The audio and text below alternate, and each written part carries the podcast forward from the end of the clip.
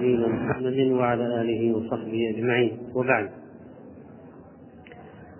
فنحمد الله سبحانه وتعالى أن بلغنا هذه العشر ونسأله عز وجل أن يتم علينا النعمة بالعبادة فيها كما يحب ويرضى. ونسأله تعالى أن نكون ممن قام رمضان إيمانا واحتسابا وصامه إيمانا واحتسابا وأصاب ليلة القدر إنه سميع مجيب قريب. ومعلوم أن ليلة القدر هي في أوتار العشر الأواخر وهذا أول واحد منها. في أوتار العشر الأواخر وهذا أول واحد منها. وهو ليلة الحادي والعشرين. وسيكون لنا إن شاء الله كلام حول هذه العشر بالتفصيل مع ليلة القدر في خطبة الجمعة بمشيئة الله تعالى مع نبذة عنها في بعض الدروس الليلية القادمة. ونعود مرة أخرى إلى سلسلة أسباب النزول وكنا قد وصلنا إلى قول الله تعالى ما كان لنبي أن يكون له أسرى حتى يثخن في الأرض. حتى يثخن في الأرض. وهذه الآية في سورة الأنفال سبب النزول ما رواه الحاكم رحمه الله وغيره عن ابن عمر رضي الله عنهما قال استشار رسول الله صلى الله عليه وسلم في الأسارى أبا بكر. فقال قومك وعشيرتك فخل سبيلهم. فاستشار عمر فقال اقتلهم.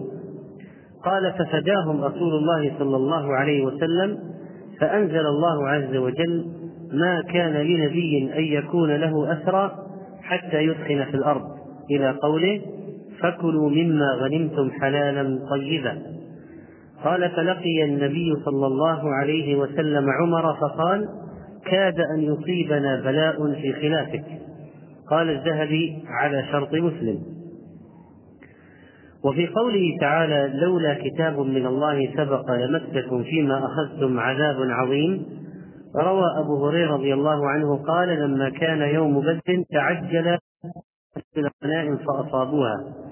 فقال رسول الله صلى الله عليه وسلم إن الغنيمة لا تحل لأحد سود الرؤوس غيركم. وكان النبي صلى الله عليه وسلم إذا غنموا غنيمة جمعوها ونزلت نار فأكلتها فأنزل الله هذه الآية لولا كتاب من الله سبق إلى آخر الآيتين. رواه الترمذي وقال حديث حسن صحيح. والآية التي وهذه الآية ما كان لنبي أن يكون له أسرى حتى يثخن في الأرض. القصة قصة الآية في معركة بدر لما أن النبي صلى الله عليه وسلم والمسلمين أسروا سبعين كافرا من من من قريش. استشار النبي صلى الله عليه وسلم الناس. فقال إن الله قد أمكنكم منهم. إن الله قد أمكنكم منهم. فقال عمر يا رسول الله اضرب أعناقهم. فأعرض عنه النبي صلى الله عليه وسلم. ثم عاد مرة أخرى فأشار عمر بنفس الرأي. ثم عاد مرة أخرى فأشار الصديق بقبول الفداء. وقبل منهم الفداء. وأنزل الله عز وجل لقد لولا كتاب من الله سبق لمسكم فيما أخذتم عذاب عظيم. وقد روى عمرو بن مرة عن أبي عبيدة عن عبد الله قال لما كان يوم بدر قال رسول الله صلى الله عليه وسلم ما تقولون في هؤلاء الأسارى؟ فقال أبو بكر يا رسول الله قومك وأهلك استبقهم واستتبهم لعل الله أن يتوب عليهم. وقال عمر يا رسول الله كذبوك وأخرجوك. يعني من مكة. فقدمهم فاضرب أعناقهم. وقال عبد الله بن رواحة يا رسول الله أنت في واد كثير الحطب فأضرم الوادي عليهم نارا ثم ألقهم فيه. فسكت رسول الله صلى الله عليه وسلم فلم يرد عليهم شيئا ثم قام فدخل فقال ناس يأخذ بقول أبي بكر وقال ناس يأخذ بقول عمر وقال ناس يأخذ بقول عبد الله بن رواحة. ثم خرج عليهم رسول الله صلى الله عليه وسلم فقال إن الله ليلين قلوب رجال حتى تكون ألين من اللبن وإن الله ليشدد قلوب رجال فيه حتى فيه يعني في الله في سبيل الله حتى تكون أشد من الحجارة. وإن مثلك يا أبا بكر كمثل إبراهيم عليه السلام قال فمن تبعني فإنه مني ومن عصاني فإنك غفور رحيم. وإن مثلك يا أبا بكر أيضا مثل كمثل عيسى بن عليه السلام قال إن تعذبهم فإنهم عبادك وإن تغفر لهم فإنك أنت العزيز الحكيم. وإن مثلك يا عمر كمثل موسى عليه السلام قال ربنا اطمس على أموالهم واشدد على قلوبهم فلا يؤمنوا حتى يروا العذاب الأليم وإن مثلك يا عمر كمثل نوح عليه السلام قال رب لا تذر على الأرض من الكافرين ديارا. إذا أبو بكر الصديق له سلف في إبراهيم وعيسى في الرقة وموسى له سلف في نوح وعمر له سلف في نوح وموسى في الشدة. قال ربي لا تذر على الأرض ديارا. أنتم عالة فلا ينفكن أحد منهم إلا بفداء أو ضربة عنق. قال ابن مسعود قلت يا رسول الله إلا سهيل بن بيضاء فإنه يذكر الإسلام. فسكت رسول الله صلى الله عليه وسلم فما رأيتني في يوم أخوف من أن تقع علي حجارة من السماء مني في ذلك اليوم. حتى قال رسول الله صلى الله عليه وسلم إلا سهيل بن بيضاء. فأنزل الله عز وجل ما كان لنبي أن يكون له أسرى إلى آخر الآية رواه الإمام أحمد والترمذي من حديث أبي معاوية عن الأعمش به والحاكم في مستدركه وقال صحيح الإسناد ولم يخرجاه وكان للعباس عم النبي عليه الصلاة والسلام موقف في ذلك المقام وهو في معركة بدر لأنه خرج مع المشركين. قيل إنه كان مكرها يعني أخرجوه معهم وكان لا يريد الخروج العباس كان في مكة لكن أخرجوه معهم. وقيل إن العباس كان يسر بإسلامه. العباس كان مسلما يسر بإسلامه. وربما نقل للنبي عليه الصلاة والسلام أشياء. لما أخذ العباس مع الأسرى وهو محسوب على المشركين على الأقل في ظاهر الأمر جاء في رواية عن مجاهد عن ابن عمر قال لما أسر الأسارى يوم بدر أسر العباس في من أسر أسره رجل من الأنصار. قال وقد أوعدته الأنصار أن يقاتلوه. فبلغ ذلك رسول الله صلى الله عليه وسلم فقال رسول الله صلى الله عليه وسلم إني لم أنم الليلة من أجل عم العباس وقد زعمت الأنصار أنهم قاتلوه. فقال له عمر أفآتهم؟ قال نعم. فأتى عمر الأنصار فقال لهم أرسلوا العباس. أطلقوا سراحة. فقالوا لا والله لا نرسله يعني هذا أخذناه مع المشركين مثله مثلهم يقتل أو أنه يكون له حكمهم فقال لهم عمر فإن كان لرسول الله صلى الله عليه وسلم رضا قالوا فإن كان لرسول الله صلى الله عليه وسلم رضا فخذه. فأخذه عمر فلما صار في يده قال له يا عباس أسلم يا عباس أسلم. فوالله لئن تسلم أحب إلي من أن يسلم الخطاب. من هو الخطاب؟ أبو عمر. يعني يقول أنت تسلم أحب إلي من أن يسلم أبي لأنك عم النبي أنت عم محمد صلى الله عليه وسلم. وما ذاك إلا لما رأيت رسول الله صلى الله عليه وسلم يعجبه إسلامك. قال واستشار رسول الله صلى الله عليه وسلم أبا بكر فيهم فقال أبو بكر عشيرتك؟ فأرسلهم. واستشار عمر فقال اقتلهم. فاداهم رسول الله صلى الله عليه وسلم فأنزل الله عز وجل ما كان لنبي أن يكون له أسرى حتى يثخن في الأرض. وسبق الكلام أن الإسخان يعني القتل أن المفترض في الصناديد الكفار إذا إذا أمسكوا أسروا أنهم يقتلون. لأنهم إذا أطلقوا سيعودون إلى قتال المسلمين من جديد. لكن نزل بعد ذلك التخفيف من الله في جواز أخذ الفدية من الأسارة وجاء في رواية أنه قتل ناس وجاء في روايات أنه فدى ناس وجاء في رواية أنه من على أناس بدون مقابل فصار الكلام الحكم النهائي في الأسرى ما هو؟ ما هو الحكم النهائي في الأسرى؟ الحكم النهائي في الأسرى أن إمام المسلمين مخير فيهم بين أربعة أشياء إما أن يقتلهم وإما أن يأخذ منهم الفدية المالية وإما أن يمن عليهم دون مقابل ومجانا وإما أن يبادلهم بأسرى مسلمين. لكن هذا ليس بالهوى والتشهي بل بحسب المصلحة الشرعية. يعني الإمام مخير فيهم بحسب المصلحة الشرعية.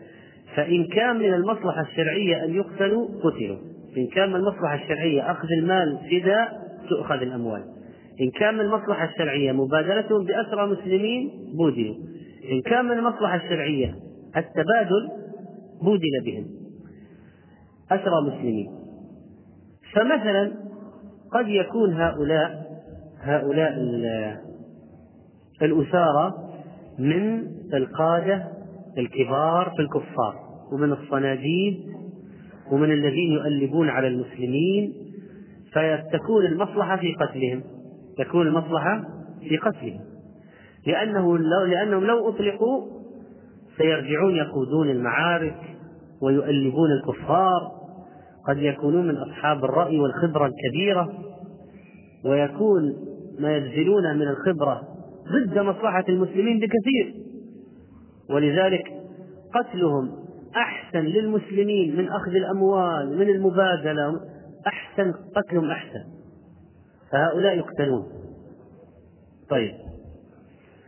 إذا كانت المصلحة أخذ المال كان يكون هؤلاء الكفار ضعفاء يعني ليسوا من أهل الخبرة والقوة في المعارك لكن عندهم أهل أغنياء. يعني لو طولبت الفدية لو طلبت الفدية منهم من أهاليهم بذلوا أموال ويكون المسلمون محتاجون إلى المال. يعني في حاجة مالية ماسة عند المسلمين للمال.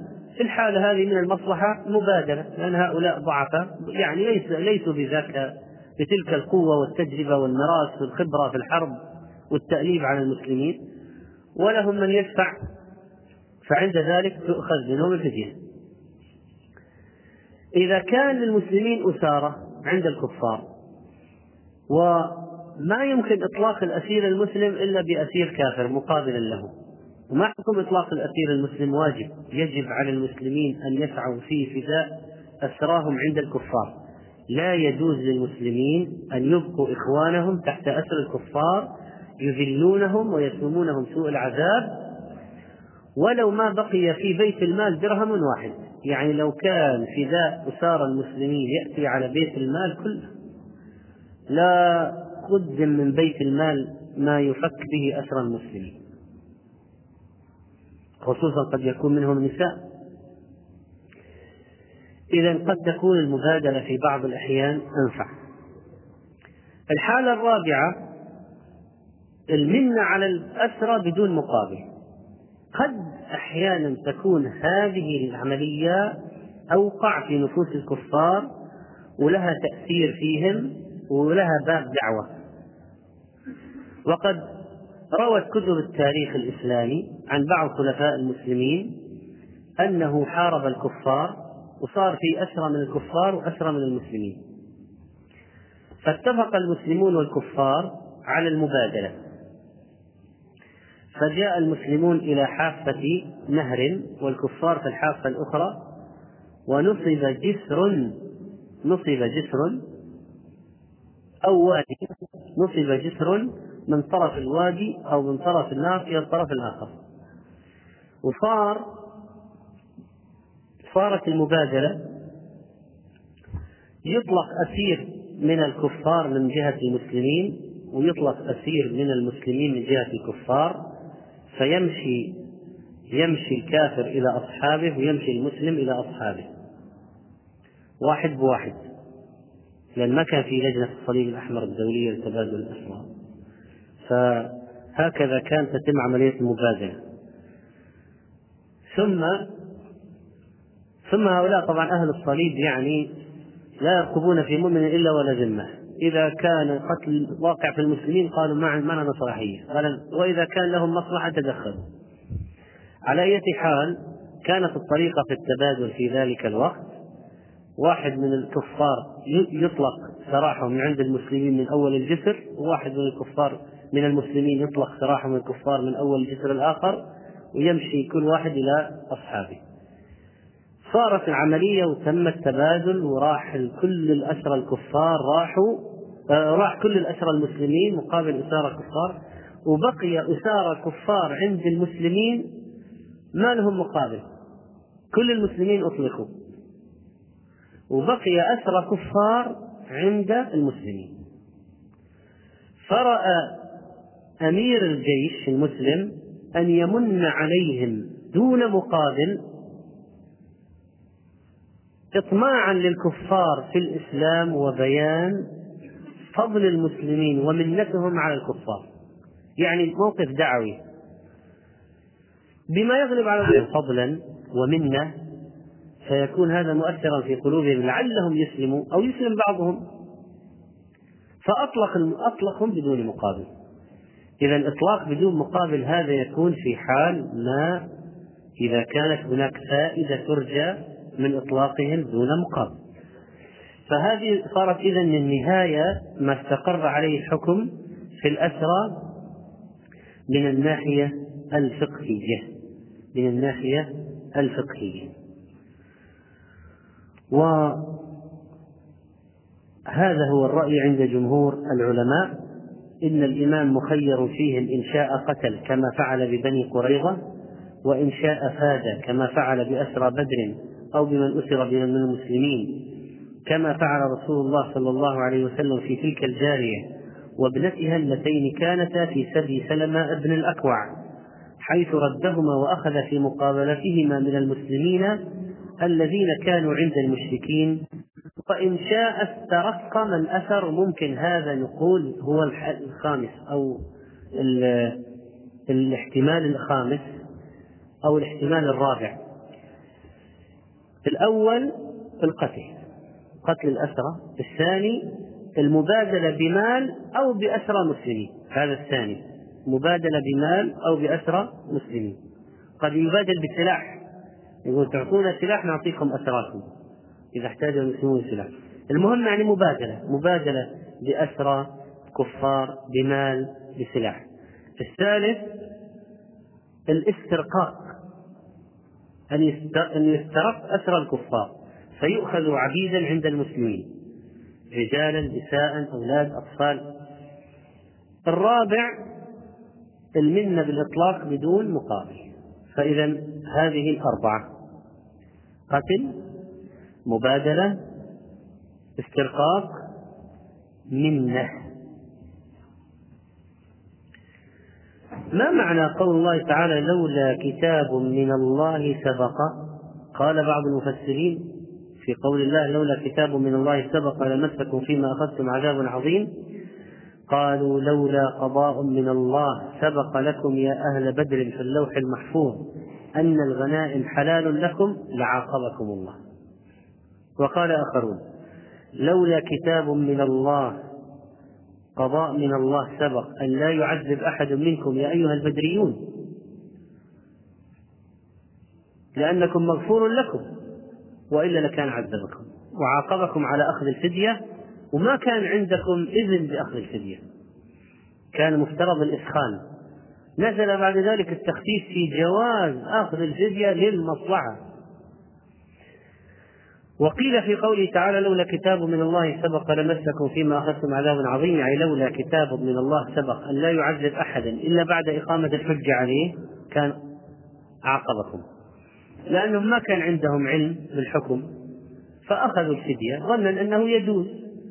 لولا كتاب من الله سبق أنه لا يعذب الجاهل كان عذبكم. وقال آخرون وهو الصواب إن هذا كله المراد.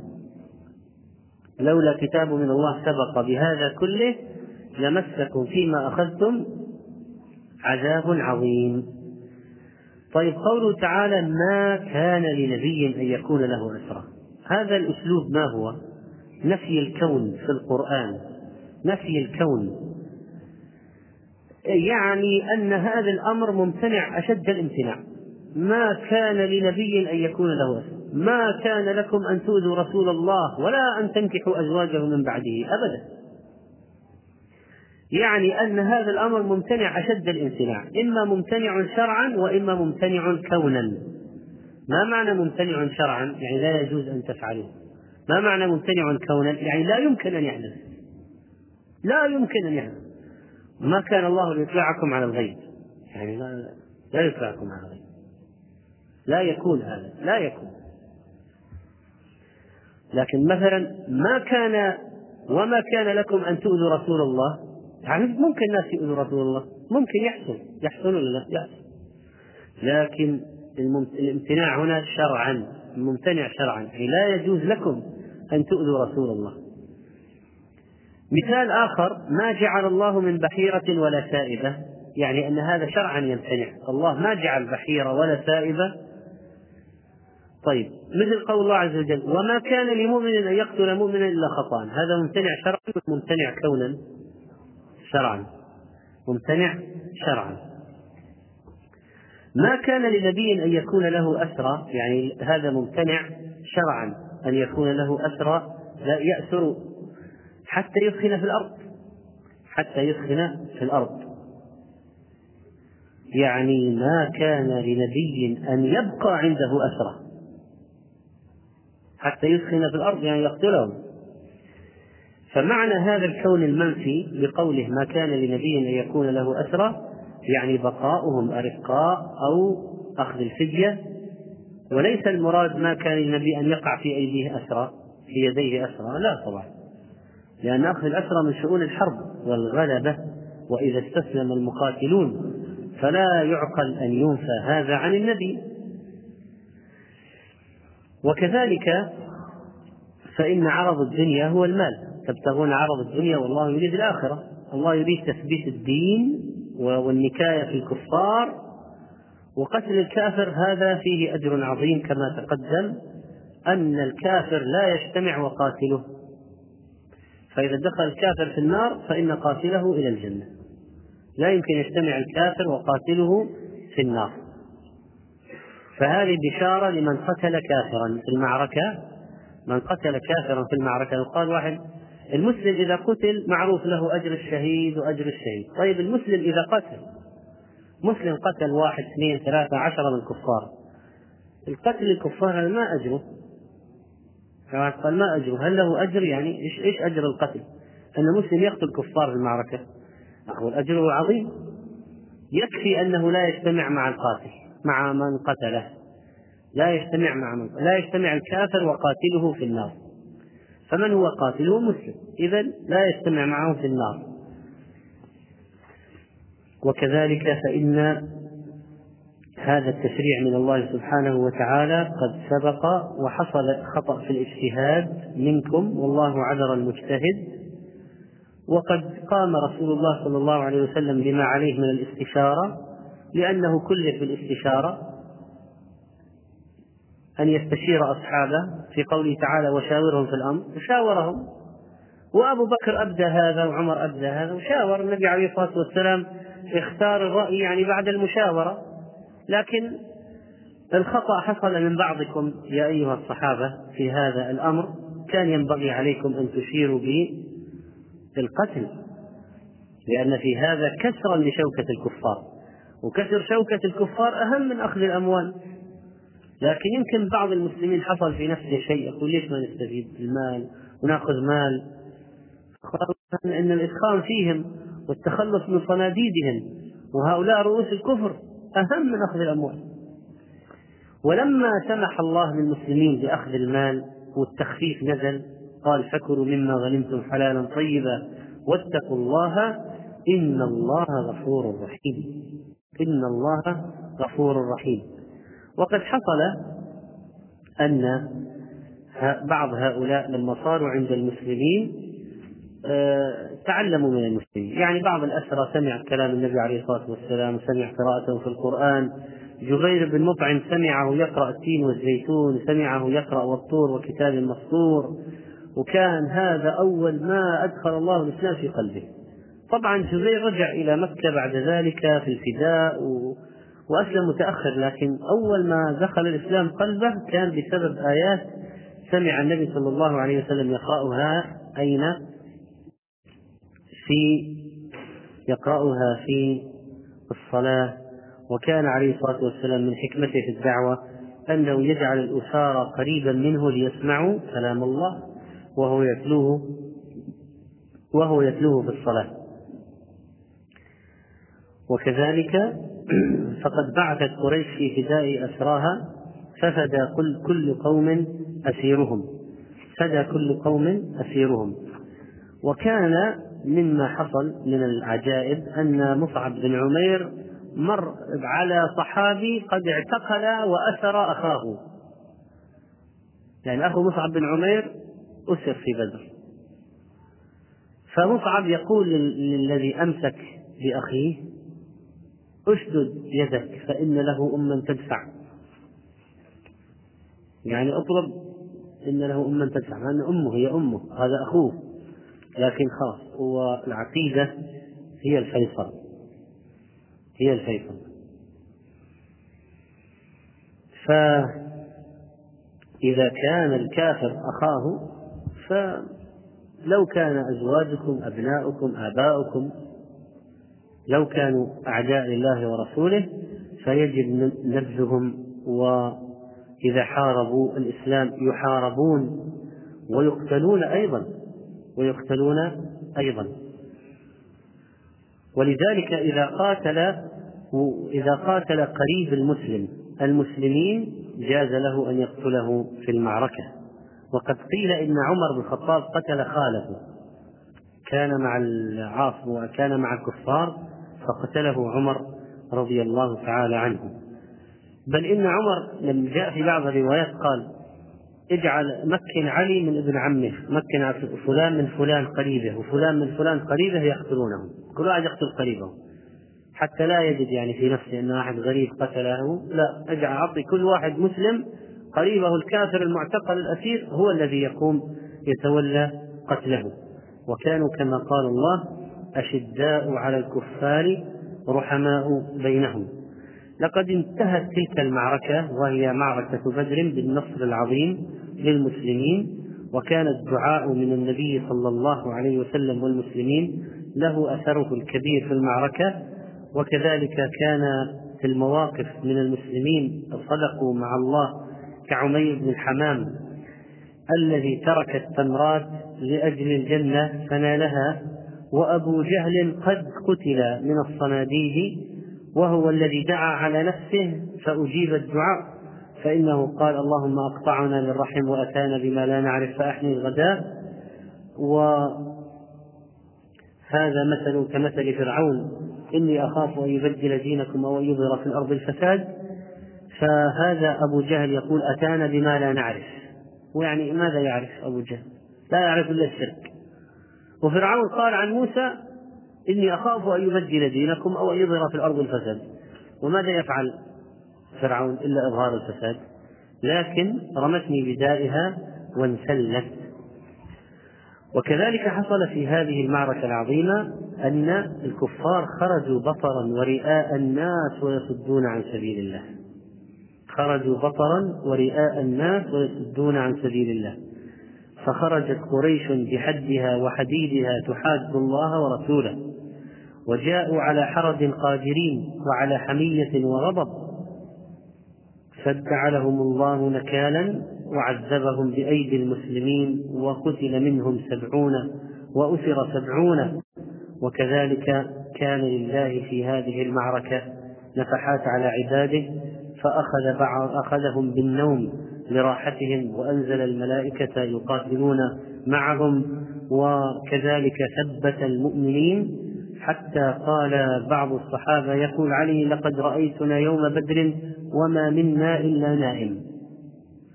إلا رسول الله صلى الله عليه وسلم فإنه كان يصلي إلى شجرة يدعو حتى أصبح. ثم إنه أصابنا من الليل طش من مطر.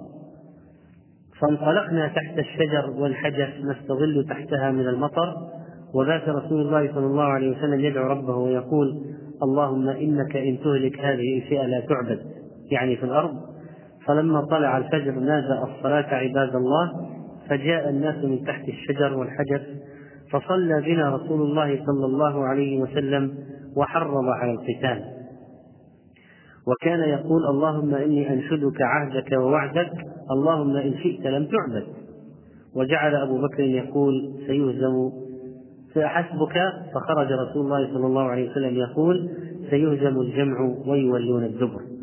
لقد كان ذلك المطر نعمة للمشركين ووبالا على الكافرين. فإنه جعل الأرض التي هم تحتها أي الكفار زلقا ودحضة مزلة ومنعتهم من التقدم وكانت على المسلمين طلا طهرهم به الله وأذهب عنهم رجز الشيطان وصلبت به الأرض تحت أقدامهم فثبتت أرجلهم عليها ومهد لهم به المنزل وربط به على قلوبهم. وهكذا صنع المسلمون بالحياض فغوروها هكذا صنع المسلمون في الحياضة وغوروا ما عداها من المياه لأجل هذا الذي يشربون منه وأراهم النبي عليه الصلاة والسلام قبل المعركة مصارع الكفار. يعني قبل المعركة يقول هذا مصرع فلان هنا يقتل أبو جهل هنا يقتل أمية بن خلف هنا يقتل فلان هنا يقتل فلان. بعد المعركة قال الصحابة ما تعدى كل واحد من الكفار الذين قتلوا الموضع الذي عينه رسول الله صلى الله عليه وسلم. نفس المكان. فكانت تلك من المعجزات النبوية ومن التأييد بالوحي. وباشر النبي صلى الله عليه وسلم القتال بنفسه حتى كان الصحابة يتقون به. فيقول علي رضي الله عنه ولقد رأيتنا يوم بدر ونحن نلوذ برسول الله صلى الله عليه وسلم وهو أقربنا إلى العدو وكان من أشد الناس بأسا. أما إذا كان النبي عليه الصلاة والسلام قتل شخصا من المشركين فإنه من أشد الناس عذابا. اشتد غضب الله على رجل قتله نبي أو قتل نبيا. فالنبي عليه الصلاة والسلام قتل بعض الكفار ورمى الحصى في وجوههم فأوصل الله هذا التراب إلى عيون الكفار واحدا واحدا حتى جعلوا لا يرون ما أمامهم فكان المسلمين يرفعون سيوفهم عليهم فيقتلونهم.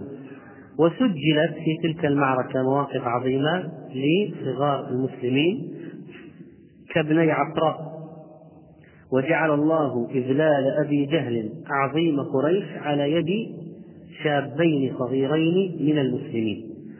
وجعل الله هلاك أمية بن خلف قرة عين لبلال. لأنه كان يذيق في مكة صنوف العذاب ويجعل الصخر على على صدره ويلقيه في الحر وعلى الرمال المحرقة.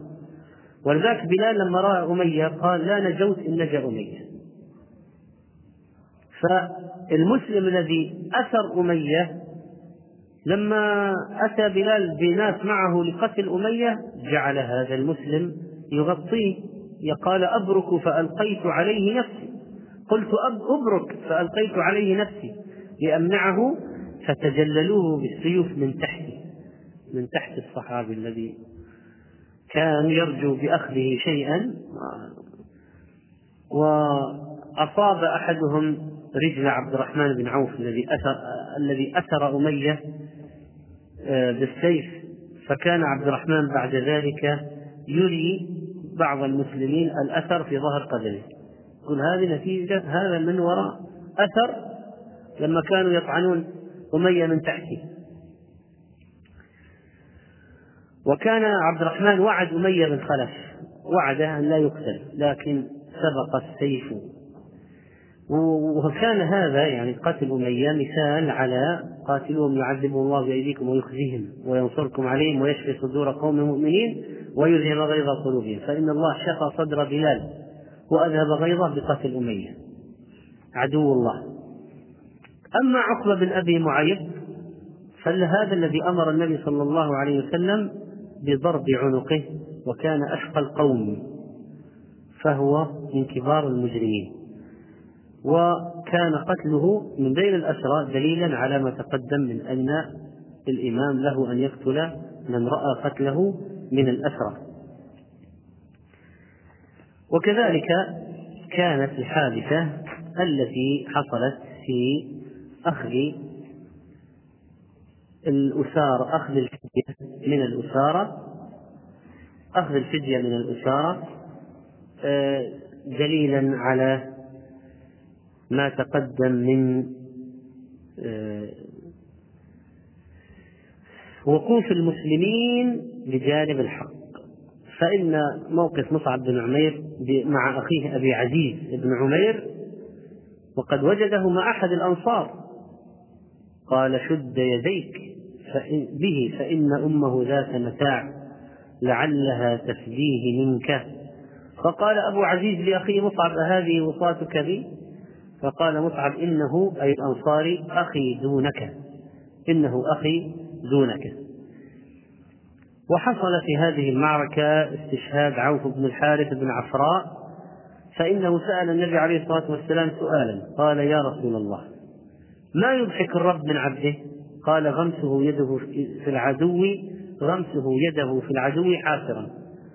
فترك درعا كانت عليه ثم أخذ سيفه فقاتله حتى قتل. وكذلك حارثة بن النعمان الذي جاءت أمه إلى النبي عليه الصلاة والسلام تسأل عن مصير ولدها. فقال لها إنه أصاب الفردوس الأعلى وكان أصابه سهم غرب لا يدرى من رماه. لا يدرى من رماه فهذا هو السهم الغرب. هذه الغزوة حصل فيها استخدام العيون لكشف العدو. والنكاية بهم وتحقيق مبدأ الشورى وجواز فداء الأسارى وجواز المبارزة بإذن الأمير وقتال القائد بنفسه وقتل الأسير وحل, وحل الغنيمة لهذه الأمة ودليل من قتل قتيلا فله سلبه على شرط أن يكون المقتول من المقاتلة وليس ممن نهي عن قتلهم كالنساء والصبيان والشيخ الفاني. وكذلك دلت هذه الغزوة على أن أهل بدر مغفور لهم يوم القيامة وأن من السنة للقائد المسلم إذا انتصر في المعركة أن يقيم في صعيد المعركة ثلاثة أيام. هذا إثبات للنصر وأنه لا يهاب من رجوع الكفار عليه وليس ممن يهرب بعد تحقيق نصر مؤقت كلا بل إن النصر يتحدث به الناس والسنة في الشهداء أن يدفنوا في مضاجعهم كما دلت عليه هذه الغزوة في أحكامها في أحكامها وأنه ينبغي على المسلمين أن لا يكون إلمال هدفهم ولا حب الدنيا وإنما نصرة لله سبحانه وتعالى. والله عز وجل أعلم. يقول السؤال ما هي الإسرائيليات؟ أخبار تروى عن بني إسرائيل جاءت عن بني إسرائيل عن بعض أحبارهم مثلا وهذه الأخبار ثلاث أقسام. منها ما يوافق الكتاب العزيز. فنحن نصدقه لكن الكتاب العزيز يغني عنه. ما وافق الكتاب والسنة فالكتاب والسنة تغني عن القسم هذا من الإسرائيليات القسم الثاني ما يخالف الكتاب والسنة فيرمى به يضرب به عرض الحائط. فإن هؤلاء اليهود والنصارى غيروا وبدلوا القسم الثالث لا يخالف ولا يوافق ما في الكتاب والسنة. في تفصيل معين لا ندري عن صحته. هل هو يخالف ولا يوافق؟ ما ندري. فما هو الموقف؟ التوقف فيه. لا نصدق ولا نكذب. لأنه قد يكون حقا نكذب به مشكلة. قد يكون باطلا نصدق به مشكلة. ما رأيك في من يقول بعد رفع من الركوع ربنا ولك الحمد والشكر؟ قد أضاف لفظة غير مشروعة لم ترد في سنة النبي عليه الصلاة والسلام وهو الذي قال صلوا كما رأيتموني أصلي. فما دام ما قال كلمة والشكر ما نقول. ورد عنه أنه كان يقول ربنا لك الحمد وربنا ولك الحمد بالواو فكلاهما سنة. أما إضافة والشكر فليس من السنة في شيء.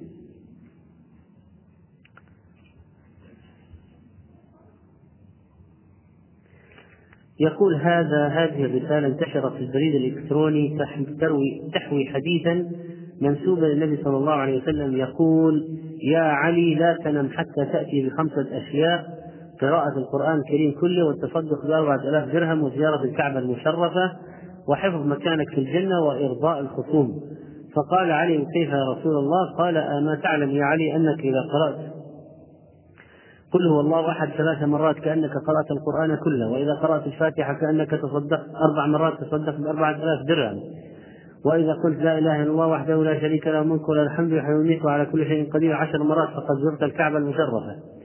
وإذا قلت لا حول ولا قوة إلا بالله العلي العظيم عشر مرات فقد حفظت مكانك في الجنة. وإذا قلت أستغفر الله الذي لا إله إلا هو الحي القيوم وأتوب إليه عشر مرات فقد أرضيت الخشوع. هذا حديث غير صحيح لا يصح أبدا عن النبي صلى الله عليه وسلم ولا تجوز نسبته إليه. ولبعضه شواهد لبعضه وردت في الأحاديث الصحيحة. فمثلا قراءة قل هو الله أحد ثلاث مرات كأنه قرأ القرآن القرآن كله هذا قد صح. وأما لا إله إلا الله وحده لا شريك له عشر مرات هذا ليس كأنه زار الكعبة المشرفة لكن فيه عدل عتق الرقاب. ومن بني إسماعيل وغفران الذنوب. أما لا حول ولا قوة إلا بالله فهي كنز من كنوز الجنة. فالأمور التي لم تثبت لا يجوز اعتقادها ولا العمل بها. ولا اعتقاد الأجر هذا ولا العمل لأجل هذا. وإنما يعمل بما صح للأجر الذي صح. وإذا كان ذكرا لم يصح له أجر معين فيعمل به لعموم فضل الذكر بدون تخصيص بعدد معين إذا لم يخصص هذا العدد في النصوص الصحيحة. لأن التخصيص تخصيص الأعداد من حق الله. يعني يقول من قال الذكر الفلاني عشر مرات أو خمسين مرة أو عشرين مرة صار له كذا وكذا. التحديد لله. لا يجوز لأحد أن يحدد أعداد لم ترد السنة فالله عز وجل هو الذي له التحديد. والله هو الذي يذكر الأجر ويعلمنا إياه. فلا يجوز لأحد أن يخترع فضلا وأجرا وعن يقول مثلا من قرأ ياسين كأنما قرأ القرآن عشر مرات. نحن نعرف أن ياسين من القرآن وأن فضلها عظيم. لكن اختراع الفضل هذا كأنما قرأ القرآن عشر مرات لا يجوز حرام. افتراء على الله. من الذي يحدد الأجر والفضل؟ الله عز وجل. فليس لأحد من العباد أن يتدخل في هذا أبدا. ماذا يفعل من اتخذ وضوء أثناء الطواف؟ يعيد الطواف من أوله بعد الوضوء.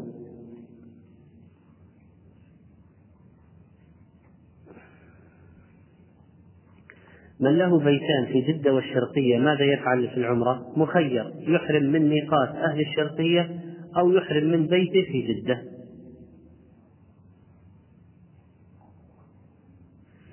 بخاخ الربو قد أجابت اللجنة الدائمة الإفتاء عنه بأنه بأن لأنه هواء مضغوط أو غاز مضغوط يدخل إلى الرئة وأنه لا يفطر وأنه لو كان لو قلنا له أنه يفطر ما ما يمكن يتخلى عنه. حتى في القضاء. إذا أراد يقضي ربما يحتاج إلى استعماله أيضا.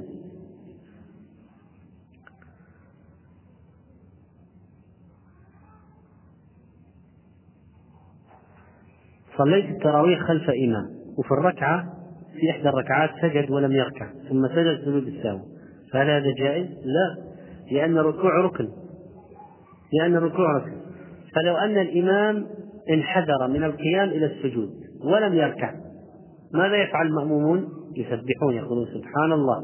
ماذا عليه أن يفعل؟ يعود يقف ويركع يرفع ويسجد. ثم يسجد للسهو مرة أخرى يسجد للسهو بعد السلام. لأنه زاد في الصلاة. فالركن لا يجبر بسجود السهو. الركن لا يجبر بسجود السهو إذا اعتمرت وصليت في الميقات ركعتين هل أقرأ سور معينة؟ لا. ليس هناك ركعتين خاصة للإحرام إلا من ميقات المدينة.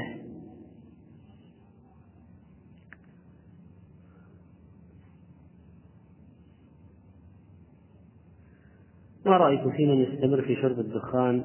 حتى ساعة الفجر الثاني ويستمر ويشرب الدخان في أول سماع الأذان. ثم يشرب ماء عليه.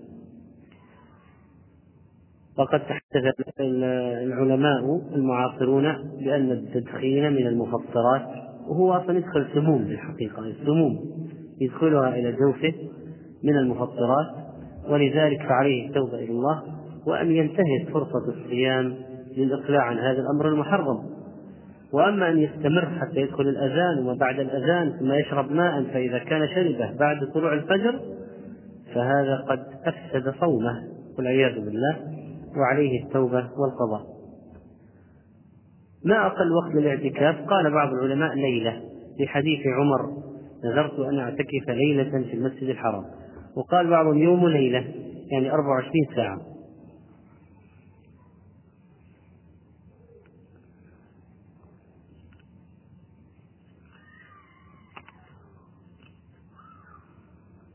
إذا حصل قتال بين طائفتين من المسلمين فما حكم أسير المسلم في في الحرب؟ ليس له حكم الأسير الكافر. ولذلك فإنه لا يقتل ولا يؤخذ رقيقا.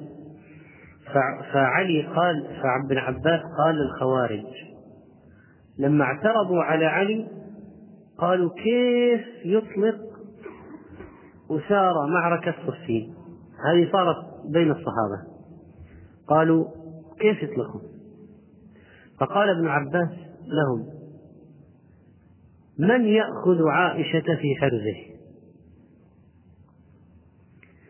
لو جاز استرقاق الأسرى المسلمين من يأخذ عائشة عنده أمة؟ من؟ فانبخعوا سكتوا. والله قال وما كان لكم أن تؤذوا رسول الله ولا أن تنكحوا أزواجه من بعده أبدا. هذه جريمة عظيمة. قال لو أبحنا لكم لو كان يجب في أسرى المسلمين أن يسترقوا يجوز استرقاقهم. فمن يأخذ عائشة في حرزه؟ فسكت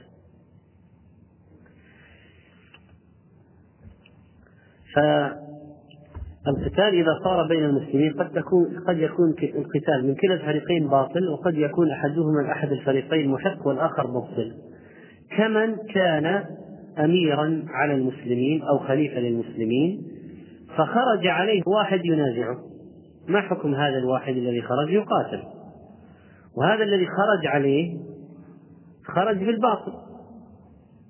يعني لو كان هناك خليفة مسلم أو أمير للمؤمنين في مكان. قال اسمعوا وأطيعوا ولو تأمر عليكم عبد حبشي كأن رأسه زبيبة. فلو خرج واحد وبويع مثلا أهل الحل والعقد بايعوه أو تغلب وحد البلد تحت حكمه. خلاص هذا الآن إذا كان يطبق شرع الله لا يجوز الخروج عليه أبدا. لا يجوز الخروج عليه. لأن الخروج عليه مفسدة عظيمة في الدين. فإذا خرج واحد عليه ماذا نفعل؟ النبي صلى الله عليه وسلم قال إذا بويع إذا بويع يعني لخليفتين فاقتلوا الآخر منهما. الآخر منهما. الثاني يقتل. ما يجوز المسلم يكون له خليفتين. فلو كان هذا خليفة مسلم على بلد أو أمير مسلم على بلد سواء بايعوا أهل الحل والعقد وصار خليفة أو أمير على المسلمين من هذه الجهة يعني مصدر شرعيته مبايعة أهل الحل والعقد أو أنه تغلب تغلب وحد البلد وصارت تحت إمرته. ما حكم أن يخرج عليه واحد ثاني ينازعه في الإمرة؟ حرام. الثاني ماذا يعتبر؟ شق عصا الطاعة. ما حكمه؟ يقتل. طيب لو كان له جماعة أيدوه يقاتلون. الآن هؤلاء مسلمون مع مسلمين. أحد الفريق أحد الفريقين على حق والفريق الثاني على الباطل. خرجوا على إمام المسلمين في ذلك البلد. خرجوا عليه. فإيش؟ وهو يحكم شرع الله. إذا إذا وجد إمام المسلمين في بلد بيعة شرعية خرج عليه بعض المسلمين ما حكمهم؟ يقاتلون وينصر الإمام ينصر الإمام. فإذا كان الذين خرجوا عليه مسلمون يقاتلون فإذا كان معهم كفار يؤيدونهم من باب أولى. أنهم يقاتلون. بل إذا إذا والى المسلمون الذين خرجوا على الإمام الكفار من الصحابة أو اليهود أو غيرهم وصاروا جيشا واحدا فإن إسلام هؤلاء فيه نظر. ليش؟ لأن هناك من أنواع الكفر كفر التولي. وقال الله تعالى ومن يتولهم منكم فإنه منهم. فإذا قام هؤلاء المسلمون الذين خرجوا على أميرهم خرجوا على أمير المؤمنين أو خرجوا على الإمام المسلمين هؤلاء المسلمون إذا خرجوا على إمام المسلمين إذا خرجوا على الإمام في بلد يقاتلون ويقتل وإذا كان لا يدفع شرهم إلا بالقتل يقتلون. لكن أسرارهم لا يسترقون ولا يؤخذ نساؤهم سبي لأنهم مسلمون. ولا يؤخذ أولادهم عبيدا لأنهم مسلمون. المهم أن تنكسر شوكتهم طيب. فإذا كان هؤلاء الخارجون على الإمام تحالفوا مع الكفار ضد المسلمين فإن إسلام هؤلاء المتحالفين فيه نظر. الآن الآن صرنا في مشكلة أكبر قضية أعظم وأسوأ وهي أن إسلام هؤلاء الخارجين على إمامهم صار فيه نظر الآن لأجل كفر التولي. لأنهم تولوا الكفار وعاضدوهم وناصروهم دخلوا معهم تعالوا معهم صاروا شيئا واحدا دلوهم على عورات المسلمين ويقول الكفار هذا منفذ وهذا مهرب وهذا مخرج وهذا كذا. خلاص هذا هؤلاء أصلا أصلا يعني اسلامهم الآن صار في مهب الريح ولذلك فلا بد من معرفة كل حالة للحكم عليها. هل يجوز ان اذهب إلى جدة واجلس عند أخي عدة أيام ثم أحرم من ميقات لملم واعتمر؟ إذا مررت بميقات وأنت ذاهب للعمرة فلا بد أن تحرم منه. ولو جاوزته ولم تحرم تعود إليه وتحرم. ولا تذهب إلى ميقات آخر. تعود إلى أول ميقات مررت به وتحرم منه. وجوبا الإحرام من الميقات الأول. هن لهن ولمن أتى عليهن من غير أهلهن فلو واحد مر على قرن المنازل وراح أحرم من يلملم. عليه دم. لا يجوز أن أن يجاوز أول ميقات يمر عليه يحرم منه. نسمع الأذان من أكثر من مسجد خلف من يردد؟ سألت شيخنا الشيخ عبد العزيز رحمه الله. قال إذا كان يسمع الجميع يردد مع الجميع. فيقول مع هذا الله أكبر الله أكبر. ومع هذا أشهد أن محمد رسول الله. مع هذا لا حول ولا قوة إلا بالله. مع هذا حسب المستطاع حسب المستطاع يردد مع الجميع إذا كان يسمعهم.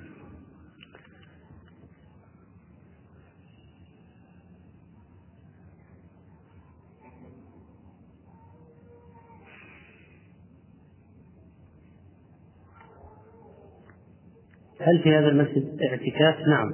نعم. مهيأ إن شاء الله للاعتكاف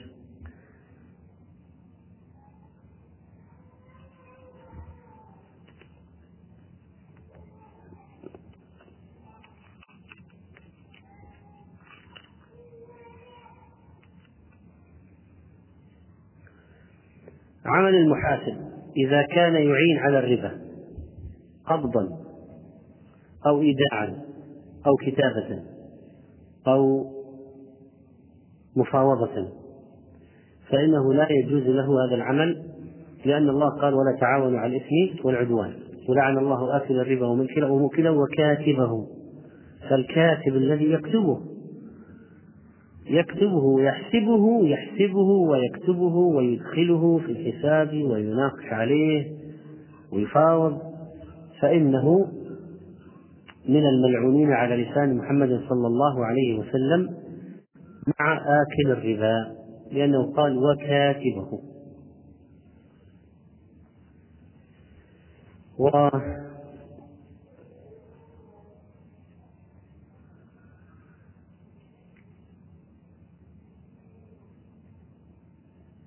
دعاء اللهم أجرني من النار سبعا. قد ورد نعم في سنة النبي صلى الله عليه وسلم بعد المغرب والفجر. اللهم أجرني من النار. كما ورد من أذكار الصباح والمساء أيضا الصلاة على النبي صلى الله عليه وسلم عشر مرات. عشرا في الصباح وعشرا في المساء. هذا والله أعلم صلى الله على نبينا محمد.